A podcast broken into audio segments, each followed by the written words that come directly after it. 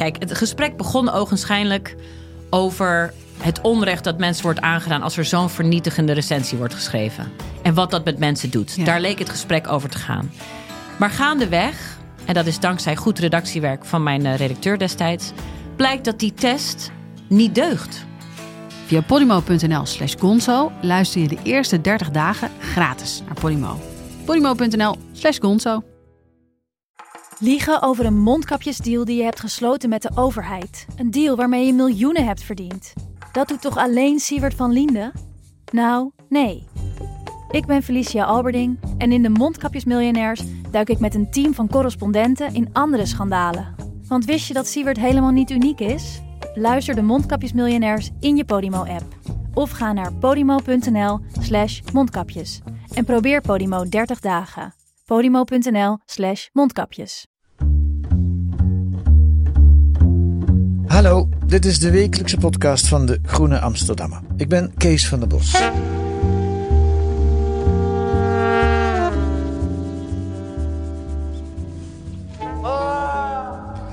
U hoort een huilende zeehond op het Wad. En nu zien we grote scharen vogels over het Wad scheren. Kleine diertjes graven zich in. En in de Waddenzee zwemmen schodenvissen. Dit is de trailer van de prachtige film Het Wat van Ruben Smit. Met de muziek van Martin Fonsen. Ik heb hem vorig jaar in de bioscoop gezien. Een aanrader. Hebben jullie hem gezien, eigenlijk, die film? Nee. Nee. Maar op het Wat wordt ook naar aardgas geboord. Door de NAM, eh, dochter van de Shell. En als compensatie voor de schade aan de natuur werd in 2005 het Waddenfonds opgericht.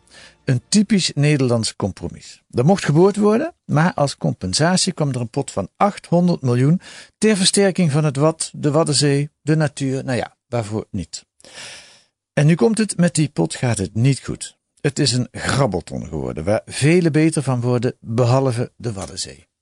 Anders dan je zou verwachten. En dat schrijven deze week in De Groene Amsterdammer Belia Heilbron, Eline Huisman en Kim van Keken. En van die drie zitten Belia en Kim hier in de studio. Welkom in de podcast. Hallo. Kim, jij was in september ook al te gast. Ja. Toen Haagse schoothondjes, toen heb je een aantal collega's de maat genomen die, eh, die net als jij vroeger eh, politiek journalist eh, jij vroeger was en zij zijn het nog steeds. Ehm, heb je nog reacties gekregen op dat artikel of op die podcast? Heel veel. wat, wat? Ja, nou de mooiste reactie was wanneer kom jij weer eens met een primeur? Bij deze. Dat was, Ehm. ja, dat was kinderzinnen? Of? Ja, nou wat heel opvallend was dat jong en oud, die begrepen echt wat er gebeurde. Uh, Ja. Maar, maar, maar de, gewoon de, de generatie gearriveerd, die, uh, die, die, die begrepen het stuk echt niet. Nee? Nee. In welke zin? Namen die het je kwalijk? Ja. Want? Nou ja, het is toch een beetje op eigen terrein piezen, Ja. of hoe noem je dat? Ja. Ja. Dus, uh, ja, Ja. ehm, zij zien echt dat ze heel goed werk doen. En dat doen ze ook. En ze zijn ook druk. Maar de Hmm. vraag is of het effectief is. Ja, goed. Als je dat terug wil luisteren in september, hij staat nog in de luisterlijst van deze podcast. Eh Belia, jij bent nieuw voor de podcast tenminste. Ja. Niet voor de Groene, daar heb je al vaker in geschreven. Ehm, jij bent freelancer Ja, ik ben eh, onder andere freelance journalist bij Investico. bij Investico. Heb je ook, ben je begonnen bij de masterclass ooit? Of niet? Ja, in eh, 2012. Aha. Ja. En, en blijven plakken? Of ben je later erbij? Nee, ik ben eindeloos blijven plakken. ja. Oké, en je bent freelancer met als, in elk geval in de groene artikelen zag ik dat als hoofdthema energie. ja, daar heb ik de eerste jaren veel over geschreven. Ja. Klopt. Oké, eh, het onderzoek waar we het vandaag over hebben is bij jou begonnen volgens mij. Ja, we zijn eh, van een andere route bij dit onderwerp gekomen, Kim en ik. Ja, Ehm, vertel over jouw route. Ja, wij zijn begonnen met een onderzoek naar het Waddenfonds En wie is wij? Eh, vanuit Investico samen met het Dagblad van het Noorden en de Leeuwarden Courant. Ja, We wilden graag een onderzoeksproject samen doen en zijn een keer samen gaan zitten om te bedenken wat kunnen we, nou goed, wat zullen we doen? ja. En zowel van de noordelijke kranten als bij Investico leefde het idee om dan een keer het Waddenfonds te gaan onderzoeken. Het was de oprichting van het fonds leefde nog wel een beetje in ieders hoofd. Van goh, wat is er eigenlijk gebeurd? 800 miljoen euro voor de natuur, hoop geld. Interessant. En dan eigenlijk een klassieke onderzoeksvraag. Waar Gewoon is het een geld naartoe gegaan? Een open vraag. Gewoon een had, open vraag. Ja. ja, je had toen nog niet het vermoeden wat je zou gaan vinden. Nee, de Noordelijke kranten die hadden natuurlijk wel af en toe uh, artikelen geschreven daarover. De Rekenkamer had in 2018 een behoorlijk kritisch rapport geschreven. Dus die hadden wel wat aanwijzingen tussen de, nou ja, tussen de burelen door waarin ze dachten, goh, daar moeten we toch eens wat langer naar kijken. Mhm. Maar we zijn echt begonnen met een hele open vraag. En Kim, hoe kwam jij erbij? Ik kreeg een tip over Pieter Buren, het zeehondencentrum. Dat daar uh, ja, met jaarrekeningen wordt gerommeld en toestanden. Oké. Ik ben tien jaar jaarrekeningen gaan doornemen. En toen kwam ik in één keer, zij willen heel graag een werelderfgoedcentrum bouwen. Uh, dat kost 30 miljoen. 3 miljoen zou het zeehondencentrum gaan bijdragen. En de rest was geen probleem, want het zou de provincie doen en het Waddenfonds. Ja. Toen ben ik het Waddenfonds gaan kijken. Toen dacht ik, goh, wat grappig. Gedeputeerde bedenkt plan hè, vanuit de provincie. En keurt hetzelfde plan goed in het Waddenfonds. Dat zag je meteen. Of dat Dat, viel je zag ik wel heel snel. En toen dacht ik, hé, hey, dat is ook interessant. Dus toen ben ik daar ook jaarverslagen van gaan, gaan, op een rij gaan zetten. Jij bent van de jaarverslagen. En toen uh, zei Xandra Schutte, de hoofdredacteur, of nee, die zei dat niet. In één keer belde Belia van, goh, we zijn hetzelfde aan het doen. Aha. Nou, ik- en toen hadden we ook dezelfde conclusie, dus dat was wel fijn. Dan Ja. weet je dat je goed zit. En toen zijn jullie samen gaan werken. Nou, laten we dit helemaal neerzetten. Investico, Dagblad van het Noorden, Leeuwarden Courant, De Groene. Wie doet er niet mee eigenlijk? Eén Vandaag En één vandaag. Ja, Ja. vanavond. En vandaag staat het ook in de Leeuwarden Courant, eh, Klopt. heb ik gezien. Ehm, laten we dan eens kijken naar dat Waddenfonds. Wat gaat er niet goed mee? Laat ik beginnen met een fragment van Lutz Jacobi. Lutz Jacobi, hoe zeg je dat? Lutz. Lutz. Lutz. Lutz. Lutz. Lutz. Lutz Jacobi. Eh, toenmalig eh, Tweede Kamerlid van de Partij voor de Arbeid in 2011. Die ehm, in de Kamer eh, het, het gedoe, zou ik maar zeggen, met Waddenfonds aan de orde stelde. Dank u wel, eh, voorzitter. Het Waddenfonds lijkt wel een grabbelton. Aan alle kanten is er ondertussen van gesnoept.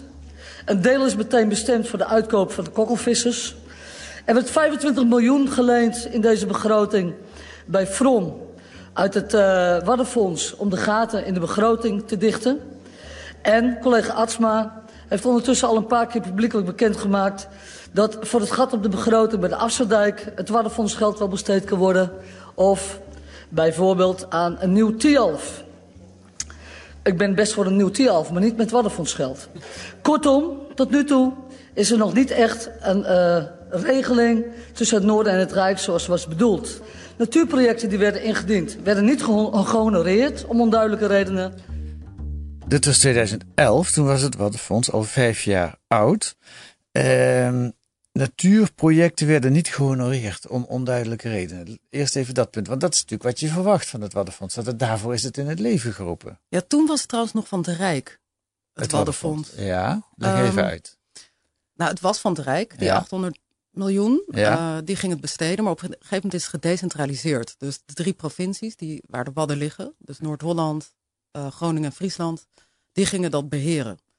Ehm, Die dat kregen het. die, die, die pot van het Rijk En eigenlijk. dit weer. debat ging daar ook volgens mij over. Van wat gaat er nou gebeuren als het gaat decentraliseren? Oké, maar toen was het nog van het Rijk, maar ook toen al, zei Jacobi, ko- eh, werden er nauwelijks natuurprojecten. Nou, ze hebben nooit duidelijke richtlijnen gesteld. En Joop Atsma die heeft op een gegeven moment ervoor gezorgd, al hiervoor. Joop Atsma is echt een snabbelaar, zeg maar. Tweede Kamerlid hij voor het ja. CDA. Hij Was is nu trouwens senator voor het CDA Oké. nog steeds. En Met die- 17 banen. En die heeft eigenlijk een, een geniale greep in de kast gedaan, helemaal in het begin al, hè? Die heeft een motie ingediend. Dus een voorstel eh, van het mag ook naar economische projecten gaan. Ja, en dan kan je eigenlijk alle kanten op. Het, Ja. de helft economisch, de helft natuur. En dan kan je steeds zeggen, ja, natuur komt nog wel. Ja.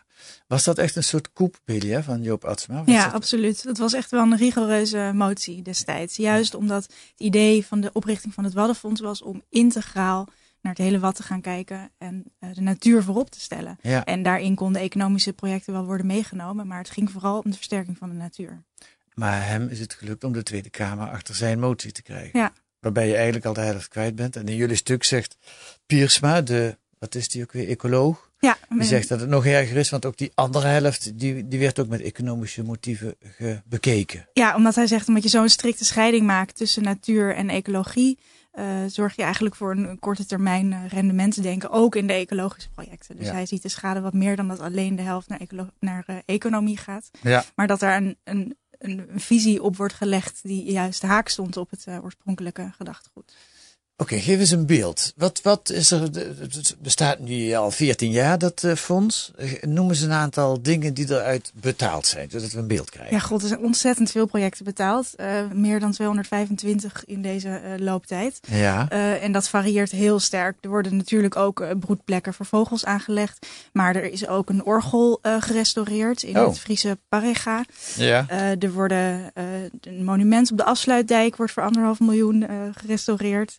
Er, wordt een, uh, er is geld gegeven voor een uh, glow in the dark midget golfbaan. er is uh, ja. een sacrale duisternisbeleving die je kan volgen. Ja, noem het maar op. Ja. Kim, heb jij nog mooie voorbeelden bij de hand? Ja, ik vond, ik vond de Elfstedentocht, maar dan de vaarroute. En dat kostte echt miljoenen. de vaarroute, voor de, dus dat je met ja, bootjes... dus we kunnen niet meer schaatsen, maar Ja. we kunnen wel varen. Maar Ja. er moest wel wat, even wat uitgebaggerd worden. eh, en, en wat bruggen worden verhoogd. Ja. En dat kostte miljoenen euro's. Dat vond ik een mooie. Maar ik vind het ook wel... Ik snap sommige gemeenten ook, hè, want er is ontzettend bezuinigd bijvoorbeeld op de zorg. Eh, Mhm. En zo hebben ze ook een eerste lijn zorgproject ergens in een Friese gemeente, geloof ik, uit mijn hoofd. Eh, Dus er zitten ook wel dingetjes dorphuizen opknappen. Het zijn wel dingen die ik ook wel begrijp. Ja, Als je de kans hebt om aan zo'n pot te komen. ja. Ja, het is een beetje sluit aan wat Lutzer Kobi in het fragment net zei. We zijn helemaal niet tegen dat dat gebeurt, maar daar was het Waddenfonds niet voor. Nee.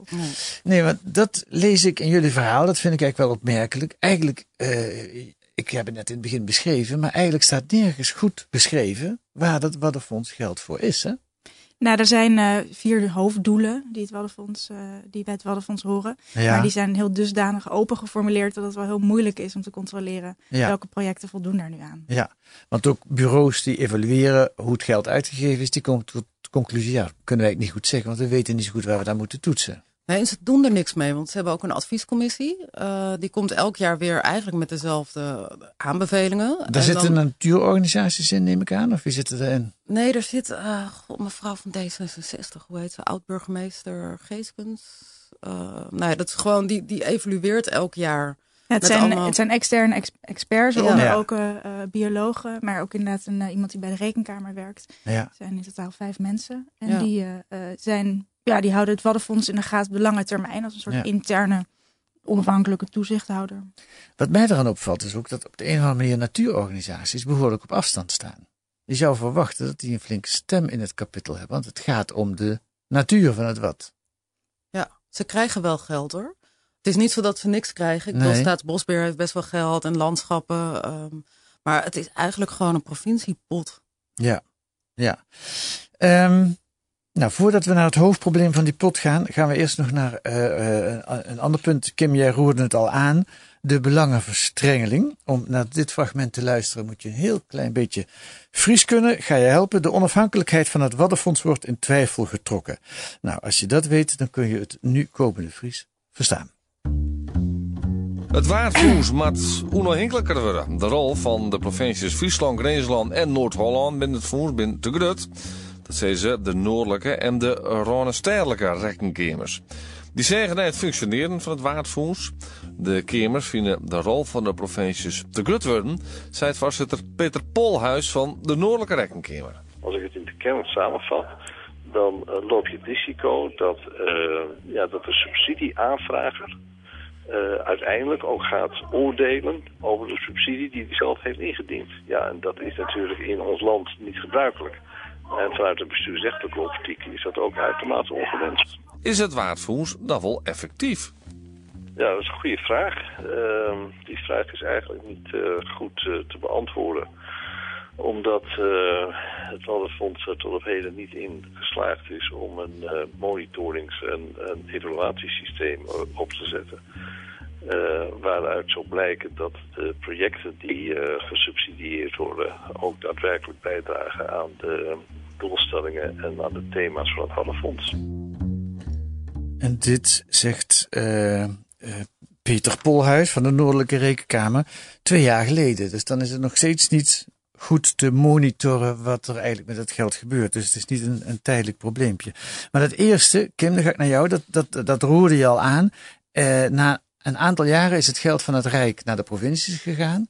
En die provincies eten ook uit die pot. Dat is wat deze meneer Polhuis zegt van de Rekenkamer. Nou, wat we ook zeiden, er zijn heel veel kleine projectjes. Maar Ja. de grote gelden, dus Ja. straks gaan ze majeure projecten noemen ze dat. Dus dan heb je het echt over 10 miljoen euro. eh, dat soort bedragen, die worden vooral door de provincie ingediend. Ja. Ja. En ehm, Dus de linkerhand vraagt en de rechterhand neemt. Ja, en het grappige, of nou ja, ik vind dat dan toch ook wel weer grappig. eh, dat, dat, eigenlijk is dit vanaf het begin af aan al een beetje een discussiepunt. Nou, de Mhm. Rekenkamer heeft daar vrij hard over geoordeeld. Ehm, maar dan gaan zij weer vanuit de provincie allemaal rapporten schrijven. En dan om maar te doen van nee, maar er is geen sprake van belangenverstrengeling. En de, een, van, een van die rapporten stond, dat is echt een enorme papierwinkel, opgetuigd. Er stond gewoon van, omdat we drie provincies zijn, hebben we gedeelde belangen, dus kan er nooit sprake zijn van belangenverstrengeling. Daar heb ik echt een avond over na zitten denken. Van, wat staat hier nou? Ja. Maar de staten zeiden al, oké, dan laten we het zo. Ja. Ja. Die hebben misschien ook boter op hun hoofd, want die hebben er ook wel weer belang bij als hun. Iedereen kan uit het potje pakken. Dat is natuurlijk ook het mooie van zo'n pot. Wat, wat is er nou. Want het, eh, je kunt wel constateren dat het goed mis is gegaan. Hè? Het, alhoewel de pot zit nog bijna half vol, dus er is nog of niet. Nee, er is ook nog, ehm, er is al 120 miljoen uitgegaan voor de kokkelvisserij. Daar begon het mee. En daarnaast is er nog 70 miljoen uitgegaan wegens bezuinigingen. Dus Ja. eh, de- het Rijk zei, oké, jullie mogen de, de pot hebben, maar dan halen wij er 70.000 euro of eh, 70 miljoen uit als bezuiniging. We Ja, hebben dat noemen ze een korting. Ja. Dat is Ja, ja, ja. Er is nog 200 miljoen over ruim op dit moment. Maar als je dan nu op terugkijkt. En jullie hebben nu jullie hebben het hele proces gezien. Jullie hebben gezien waar, waar, hoe dat geld verjubeld is, eh, zeg maar. Wat is er fout gegaan? Wat, wat had er ge- moeten gebeuren om dit te voorkomen? Kijk eerst naar Belia. Nou, een van de. Het is natuurlijk in het begin is het al fout gegaan, omdat het, eh, het fonds was opgericht met het idee om echt een investeringsfonds te maken. Dus dan werk je veel meer vanuit een doel van wat heeft het Waddengebied nodig, hoe kunnen we het versterken, wat zijn de grootste problemen en hoe kunnen we ervoor zorgen dat we met die 800 miljoen euro het Waddengebied sterker kunnen maken. Maar in plaats van een investeringsfonds is het uiteindelijk een subsidiepot geworden, waar iedereen met een semi-goed idee die toevallig in het gebied zit, kan aankloppen. En dan heb je natuurlijk de hele idee van het fonds is er dan natuurlijk uitgehaald. Maar wacht even, wat is het verschil tussen een subsidiepot en een investeringsfonds? Dat je veel meer gaat kijken wat heeft het, wat heeft het gebied nodig en hoe kunnen we ervoor zorgen dat het gebied in 2026 versterkt is. In plaats van we zetten het open, we hebben zoveel geld. Ja, Heb je een idee? Kom maar aankloppen. We hebben hier een lijstje eisen. En als je daaraan kan voldoen, dan heb je, draag je bij aan het Waddengebied. ja oké, maar jij, jij, jij zegt, je zet dat in de naam, investeringsfonds, maar het komt er eigenlijk op neer dat je een duidelijke doelstelling doelgerichter aan het werk Dat gaat. kun Ja. je ook bij een subsidiefonds, denk ik. Dat je de, Ja, als je heel strak, als je strak zou gaan monitoren, wat er nooit is gebeurd. Misschien een keer zou gaan evalueren om te kijken wat die projecten hebben gedaan. Zodat je daarop weer eh, kan, eh, kan, kan, eh, kan handelen. Dat is allemaal nooit gedaan. Kim, dat is ook in jouw analyse het hoofdprobleem. Er ontbreekt een goede, duidelijke punt op de horizon, zoals dat tegenwoordig noemen. Nou ja, überhaupt wel onafhankelijk. Hè? Ja. Onafhankelijkheid, ik denk dat het daar al mee begint. En iemand die kijkt van dit gebied. Hè, stel dat je gewoon als, als doelstelling hebt van we willen dat er zoveel vissen in de Waddenzee zitten in 2026. Ja. Dan, kan je, dan kan je daarop gaan sturen. Ja. Maar nu is het, ja, hè, economisch en de ecologie kan je alle kanten mee op. Tussentijds, we hebben er wat fragmenten van gehoord, zijn er best wel mensen die aan de bel getrokken hebben. Waarom is daar niet naar geluisterd? Waarom gaat het maar door? Ja, er is wel een groot belang om dit, denk ik, zo door te laten gaan. Het is natuurlijk prettig, nou, wat Kim net al aanhaalde. Het is voor de hele regio natuurlijk een prettige eh, manier om gewoon wat extra geld te krijgen. Bovendien is het geld ook wel welkom, wat Kim net aanhaalde. Het is natuurlijk een eh, gebied dat ook wel kan met vergrijzing en leegloop. En, maar daarom zat ik net aan die natuurorganisaties te denken. Dat lijken mij dan de clubs die eh, al veel eerder woedend aan de bel hadden moeten trekken. Van, oh, het gaat niet goed. Ja, maar ze krijgen wel geld. Het is niet zo dat ze niks krijgen. Dus Ja. als je ruzie gaat maken, krijg je helemaal niks meer. Dus Ja. het, is, het is verdeel en heers. Ja. Ja. Ik, het is heel. Natuurlijk heb ik ook wel mensen gesproken die kritisch waren, zeg maar. Maar zodra Mhm. ik zei, mag ik u onder record? Nou, nee, doe dat maar niet. Want je weet maar nooit of je nog een eh, potje nodig hebt. Het is heel Nederlands. Hè? Het is een polderoplossing. Iedereen zit erbij. Eh er mag naar gas geboord worden. Dat is ook fijn. Daar verdienen, we dan weer geld mee. Maar uiteindelijk blijkt het dus helemaal geen goede oplossing te zijn. Nee. Nou ja, en wat, ik, wat, wat, ik, wat hier niet zo in het stuk staat, wat mij echt verbaasd was, dat de staten ook. Maar ja, goed, de staten. De provinciale staten. Ja, dus gewoon hè, de volksvertegenwoordigers die zouden moeten controleren. Ja. Ja, volgens mij is alleen de PVV, die heeft een keer een motie ingediend. Dat, eh, dat- vooral over die belangenverstrengeling Ja, en één keer is in een, een VVD-gedeputeerde is er uitgestapt omdat hij eh, vond dat het niet goed ja, ging. dat is waar. Ja, en die Ja. zei slager die eigen. Maar het is niet zo dat er keihard zegt van ja, maar dit kan niet. Dus Ja. de, de controle, dus gewoon de democratische controle, is er gewoon niet. Ja. Het is actueel, want eh, behalve dat er nog geld in dat fonds zit, deze week werd bekend dat er ook zo'n soort akkoord bereikt is over de Noordzee. Het, Noordzeefonds. Eh, en NWS zette bij dat bericht nog even op een rijtje wat er op de Noordzee allemaal gebeurt. Het wordt steeds drukker op ons deel van de Noordzee. Zo ziet het er nog leeg uit, maar schijn bedriegt. Op de Noordzee wordt gevist, naar olie en gas geboord, geoefend door Defensie en vergeet alle vrachtschepen niet. De komende jaren moeten er ook nog enorme windmolenparken worden gebouwd. Dat gaat niet passen. Dus wordt er al een jaar overlegd over een nieuwe verdeling van die enorme Noordzee. Iedereen moet een beetje inschikken. Zo worden vissers uitgekocht, want tussen windmolens vissen kan niet. De vissers die overblijven moeten hun vloot ook duurzamer maken, want ook op zee raakt anders de natuur in de knel. Ook is afgesproken dat er nog een keer wordt gekeken waar die windmolenparken precies moeten komen. Om dat alles te betalen blijven de olie- en gasplatformen nog even staan. Natuurorganisaties hadden die graag weggehaald, maar nu ook in Groningen de gaskraan dichtgaat, is dat geen optie. Veel afspraken voor een Noordzee waar dus nog meer gaat gebeuren. De Nederlandse polder. Iedereen die wordt weer eh, tevreden gesteld. En er komt een fonds. Jacques Wallage is deze keer de voorzitter van eh, de, de, de commissie die zich daarmee bezighoudt. En er komt een Noordzeefonds. Ehm, wat moet er nou gebeuren om te zorgen dat het beter gaat dan met het Waddenfonds? Kim, kijk naar jou. Nou, ik zou in ieder geval niet Jacques Wallage laten doen. Dat is al te laat. Over Commissieland om te beginnen. Die doet het al. Nee, maar je hebt het al, hè, vissers die dan over duurzaamheid moeten gaan nadenken. Eh, weet je, wees gewoon helder over je doelstellingen. Ja. En dat is nu al niet. Nee. Nu, dus ik, ik denk dat dit al een beetje een hopeloze exercitie is. En bovendien, ja, sowieso die staten zouden er veel meer op moeten gaan zitten. Die, Hoe- moeten, die moeten dan, ik weet niet waar die pot naartoe gaat, maar dan moet iemand die pot in de gaten houden. Ja. Hoeveel miljoen gaat het eigenlijk bij het Noordzeefonds? Weet Dat is nog niet duidelijk. Dat is nog niet duidelijk. Maar goed, jullie zijn nu deskundig in de zin van je hebt dat Waddenfonds bekeken. Doe eens een aanbeveling. Wat moet er, wat zou je zeggen? Eh, Belia, kijk naar jou. Eh, een soort randvoorwaarden om, het, om, het, om niet dezelfde fout te maken als bij het Waddenfonds. Nou, ik zal als eerste het beheer toch wel in handen geven van een onafhankelijke organisatie. Dus een organisatie die puur kijkt, waar gaat het nou over? Nou, om de Noordzee. Ja. Laten we daar dan naar kijken. En dus niet geven aan bijvoorbeeld de provincies eh, die zeggen, ja, maar goed, het gaat toch om de provincies? Nee, het gaat om de Noordzee. En dat is precies hetzelfde met het Waddenfonds natuurlijk ook is gebeurd. Het gaat niet om de provincies, het gaat om het Waddengebied. Geef een onafhankelijke club, de, de, eh, maakt die de baas over het fonds. Ja, en daarna zou ik toch ook wel zeggen, eh, hou de projecten in de gaten en evalueer tijdig, zodat je ook kan kijken wat gebeurt er eigenlijk met het geld. Mhm. En eh, heeft het wel het effect dat we eigenlijk zouden willen dat het heeft. En gaat dat ook gebeuren? Nee. Nee, dat, ja. Nee. Want Want dat kunnen we helemaal niet in Nederland. Nee, nee, dat zie ik niet. Nou ja, goed, misschien. Ik hoop dat er misschien wat politici luisteren en denken: ja, we gaan daar echt eh, voor knokken. ja, Maar nee, dat denk ik niet. nee. Nou. Dan doen we het weer met de eh, huilende zeehond. Dan gaan we, zwijmelen we nog even weg bij de mooie geluiden van het Wad. Eh, ga die film zien. Of beter nog, ga naar een Waddeneiland zelf. Hebben jullie nog plannen de komende de, eh, maanden, jaren om naar een Waddeneiland te gaan? Nee, helaas. Dankjewel, Belia Heilbron en Kim van Keken. Lees deze week in De Groene ook. De val van de muur in Berlijn, precies 30 jaar geleden deze week, krijgt uitgebreid aandacht. Een reportage van de Duitse journalist Daniel Schulz over zijn puberteit in Oost-Duitsland in verval. Met nazi's onder zijn schoolvrienden en familieleden. En een artikel over de brieven van Mohammed B., de moordenaar van Theo van Gogh. Die schreef hij aan een geloofsgenoot.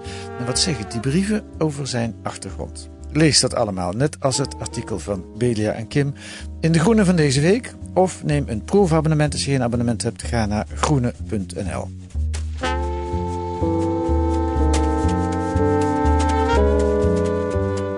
Volgende week zijn wij er weer met analyses en achtergronden bij het nieuws in deze podcast van de Groene Amsterdammer. Vergeet niet om ons nog wat sterren te geven in de podcast-app. Deze week werd de Groene Podcast gemaakt door Brecht Rusje en Kees van der Bos. En de muziek is van Martin Fonsen wat het wat betreft. En verder het tune for N van Paul van Kemenade.